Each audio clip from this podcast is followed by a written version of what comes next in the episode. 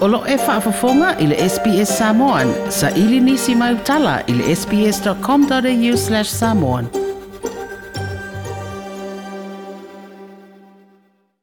Talofa Rita. Talofa Ioane, how are you? I'm good, good. Listen, um, first up, uh, how are things going with the lockdown there in Victoria? Well, uh, tonight at midnight we start our two-week extension, which was announced last weekend.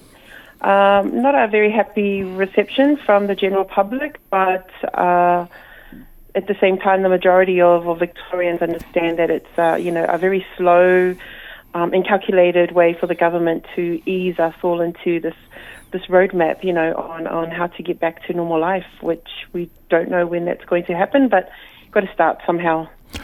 Let's uh, also, while we are on that um, subject, talk about uh, the community in general. Um, the last time uh, there was that um, tragic incident um, down there with um, uh, a youth um, Yes.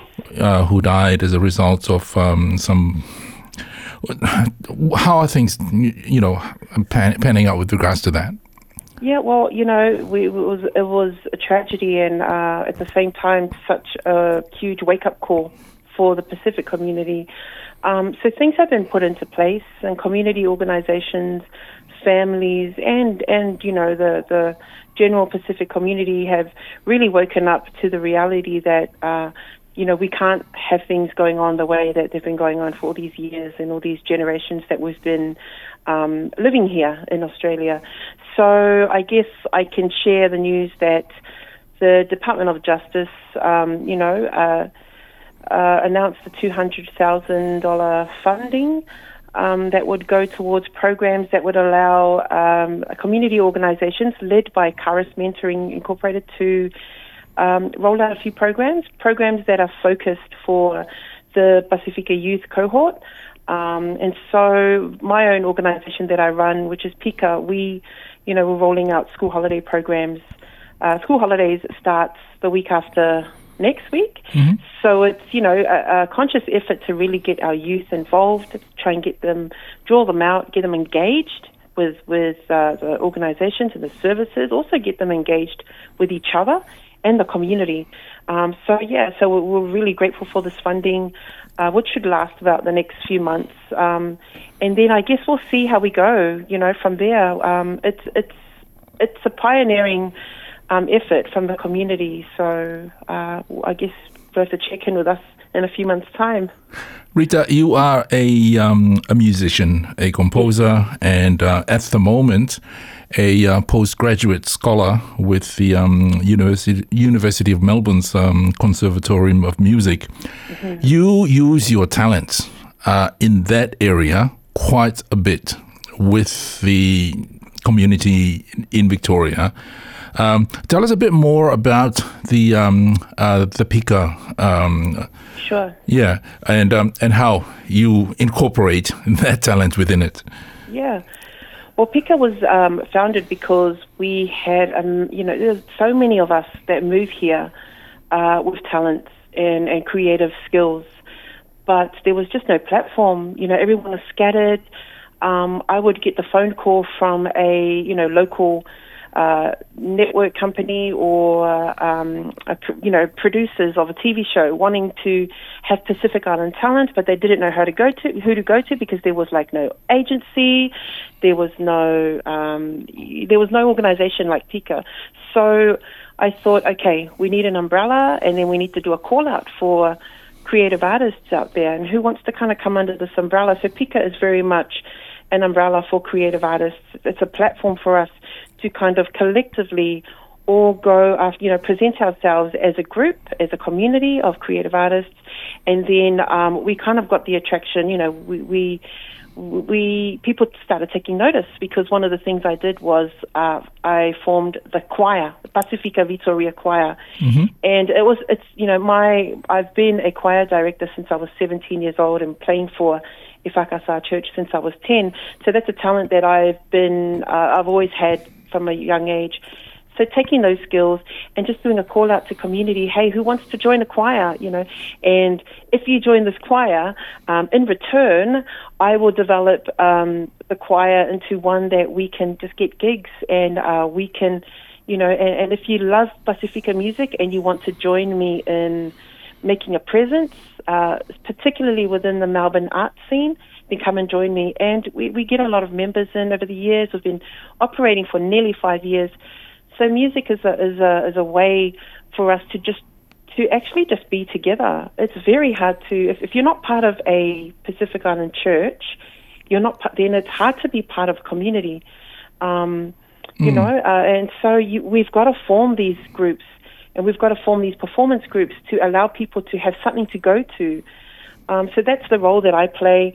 Um, I guess my skill in in designing programs, um, particularly creative arts programs, and then being able to have those programs um, relevant to the situation that we're dealing with, you know, with Pacific youth and the disconnection to culture, with kids needing help in education, um, and just overall community well-being and health, mental health. That's something that we've been able to, um, you know, uh, have a goal towards working And music Uh, is yeah. uh, uh, music is one of the um, the most um, um, effective forms of Yes. therapy there is, isn't it? Yes, it You is. know, and you know, you, yeah, sing in that's right. harmony, or you know, you you know, um, especially um, Pacific Islanders, Polynesians, we love to sing those harmonies and um, you know, and that rhythm, and you know, it it it, it you know, your your troubles kind of melt. Uh, That's just right, by, by being in that group and actually singing together with other people and you know strumming um ukulele or guitar or whatever. Yeah, that's right. I always make it, and I, I never audition people. I always say, you don't even have to know how to sing. We've got members that I encourage that, that have joined us. Um, and you know, I always encourage everyone. I'm like, don't worry. There's four of us here with very strong voices.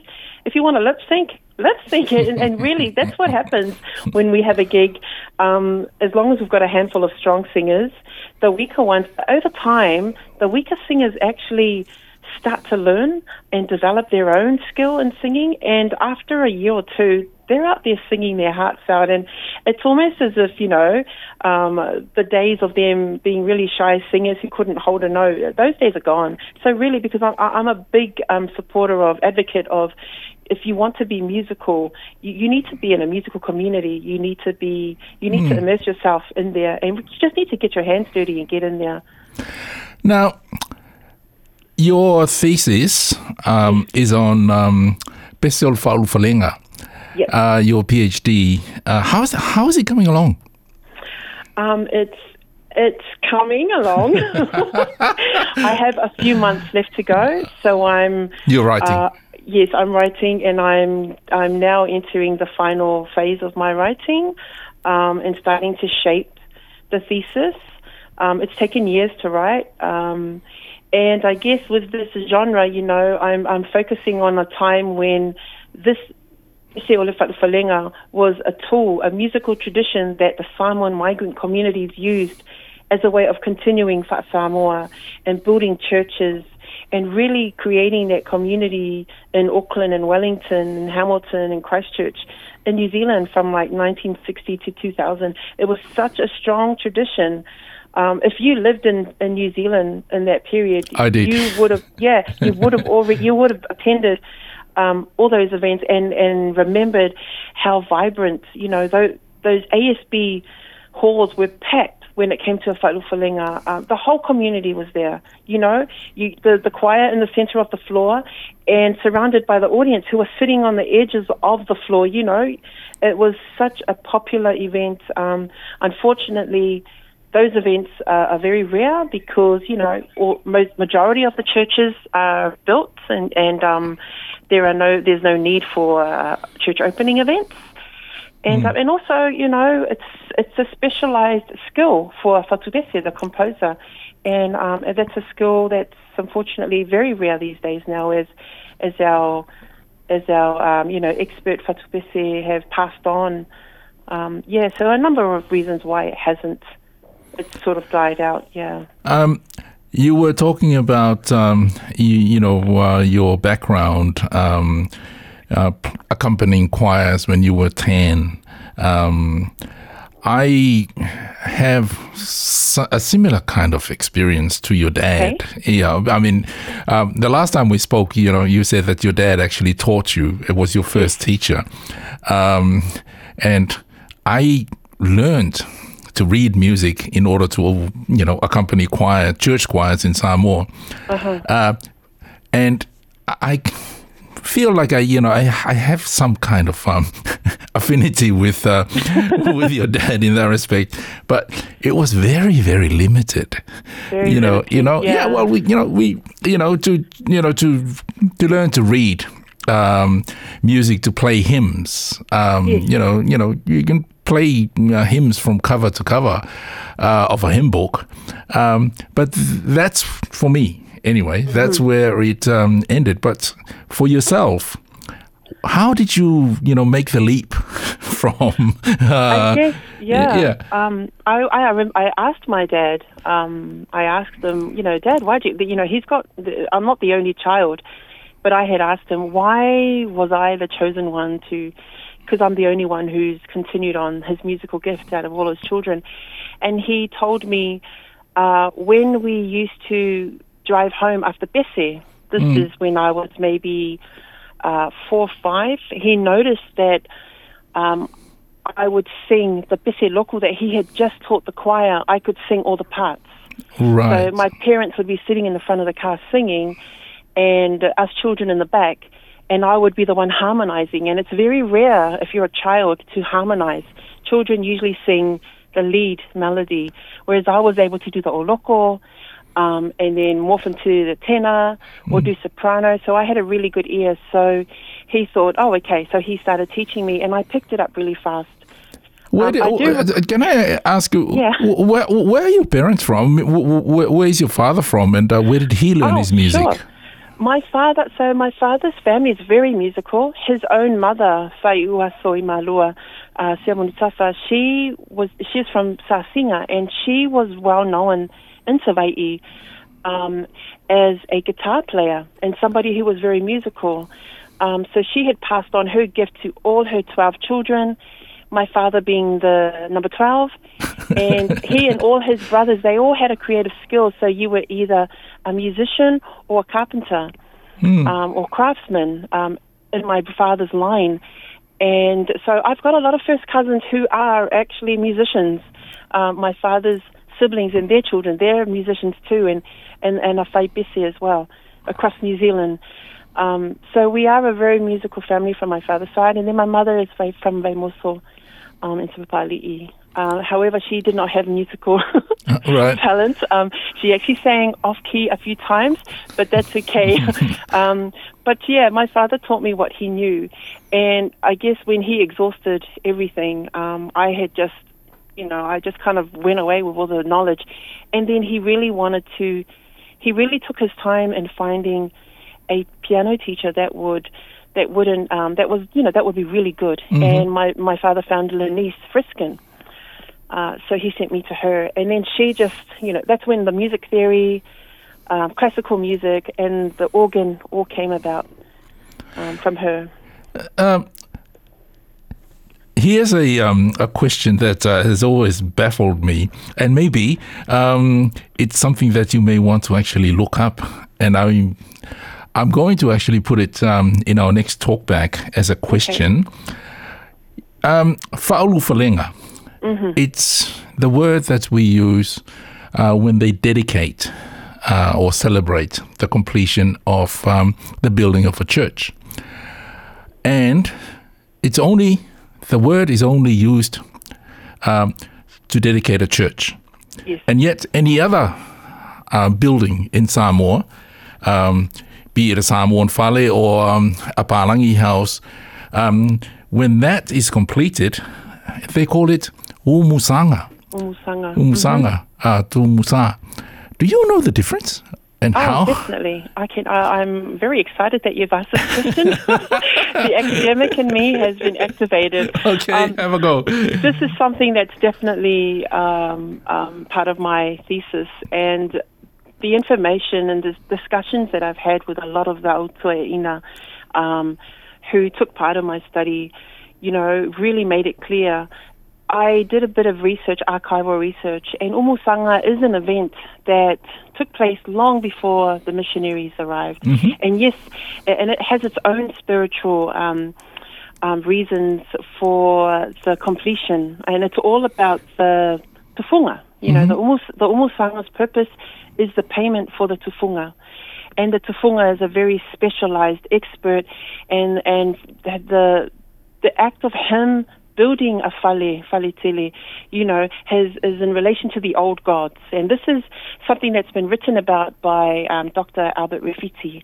Now, when the missionaries came in, then that's when we saw a new building, um, and it was the chapel. Now, the chapel came with a different uh, design. However, the Samoan people still had the round circular. And one of the things that is very um, interesting to note is when you have a falitele, you know, everyone sits in that round circle against the post.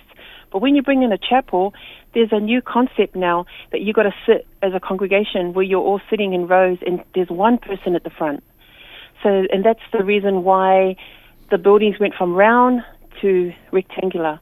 Um, and then the chapel started being the prominent, uh, you know, um, the look, that look where it went from round to to rectangular. I'm hoping I'm making sense here. You and are, yeah. because because the building is now something that's got walls and a door, um, that's where the term fa'ulufale Oh, right. So, did- yeah. fa'ulufale, which means um, uh, it's welcoming through a a door. You're entering, yeah, Or because you're entering entering, through a through a door, door. yeah. Whereas with the falitele, you didn't have a door. Um, you you had an entrance from all sides, but you didn't have a door, you know, a physical door. And this is something that uh, one of the elders that I spoke to when I asked him. Uh, where did Fa'ulufalenga come from? Where did Fa'ulu, and he said to me, well, you need to, this is um, the retired Reverend Elder, Danielu Mamea. He had said to me, Rita, you need to look about, you need to look back to what the term Fa'ulufa, um, ulufale means yeah. before Fa'ulufale. we never yeah. we never we never used to have to to um, you know enter in that way. The chapel brought that that entrance, so that's something that I've had to unpack and took years to find out, and, Yeah. and then make it uh, make it sort of you know make sense of it. But the word umusa, Yeah, umusa, yes. It, that, and that's related to the payment for The umusa for the tufunga. Yeah, and yes. so that that all changes. You know that that that concept changes when you go to New Zealand. You don't have a tufunga. You have an architectural company, um, construction company. You know, you have all these different um, key role. Um, you know, key roles within a, a ngaluenga. You know, it, it all of a sudden the focus is turns away from the tufunga, and the focus is now on just the opening of the church and um, yeah, and the celebration. Rita, thank you so much for um, making time to you, talk to me and to actually go through. I, I mean, I'm finding this quite um, uh, fascinating. Oh, and um, Cool. uh, but look, um, you are very much a part of the um, Pacifica community down there in Victoria, especially with the Samoan community.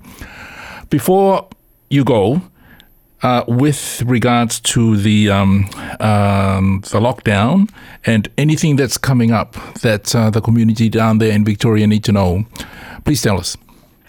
I guess it's just um, our community to hang in there. We've got a two week extension. We've been declared a further 12 months state of emergency uh, to allow other powers that be to help keep us safe. And um, I know that everyone's feeling the strain of not being able to attend local face to face. Everything's still online. But it's just encouraging our community just to hang in there and, and please, you know, stay updated, be updated, um, updated with the information that comes out from the government. Uh, the more we all work together, the faster, the faster we get to normal lives, and also um, the safer our, our people are during this time. Rita Seumanutafa, thank you so much and uh, good luck with you. the uh, rest of the writing. Thank you so much, Joanne. Okay. Like, share, ma faali sau finangalo. Muli muli ile SBS Samoan ile Facebook.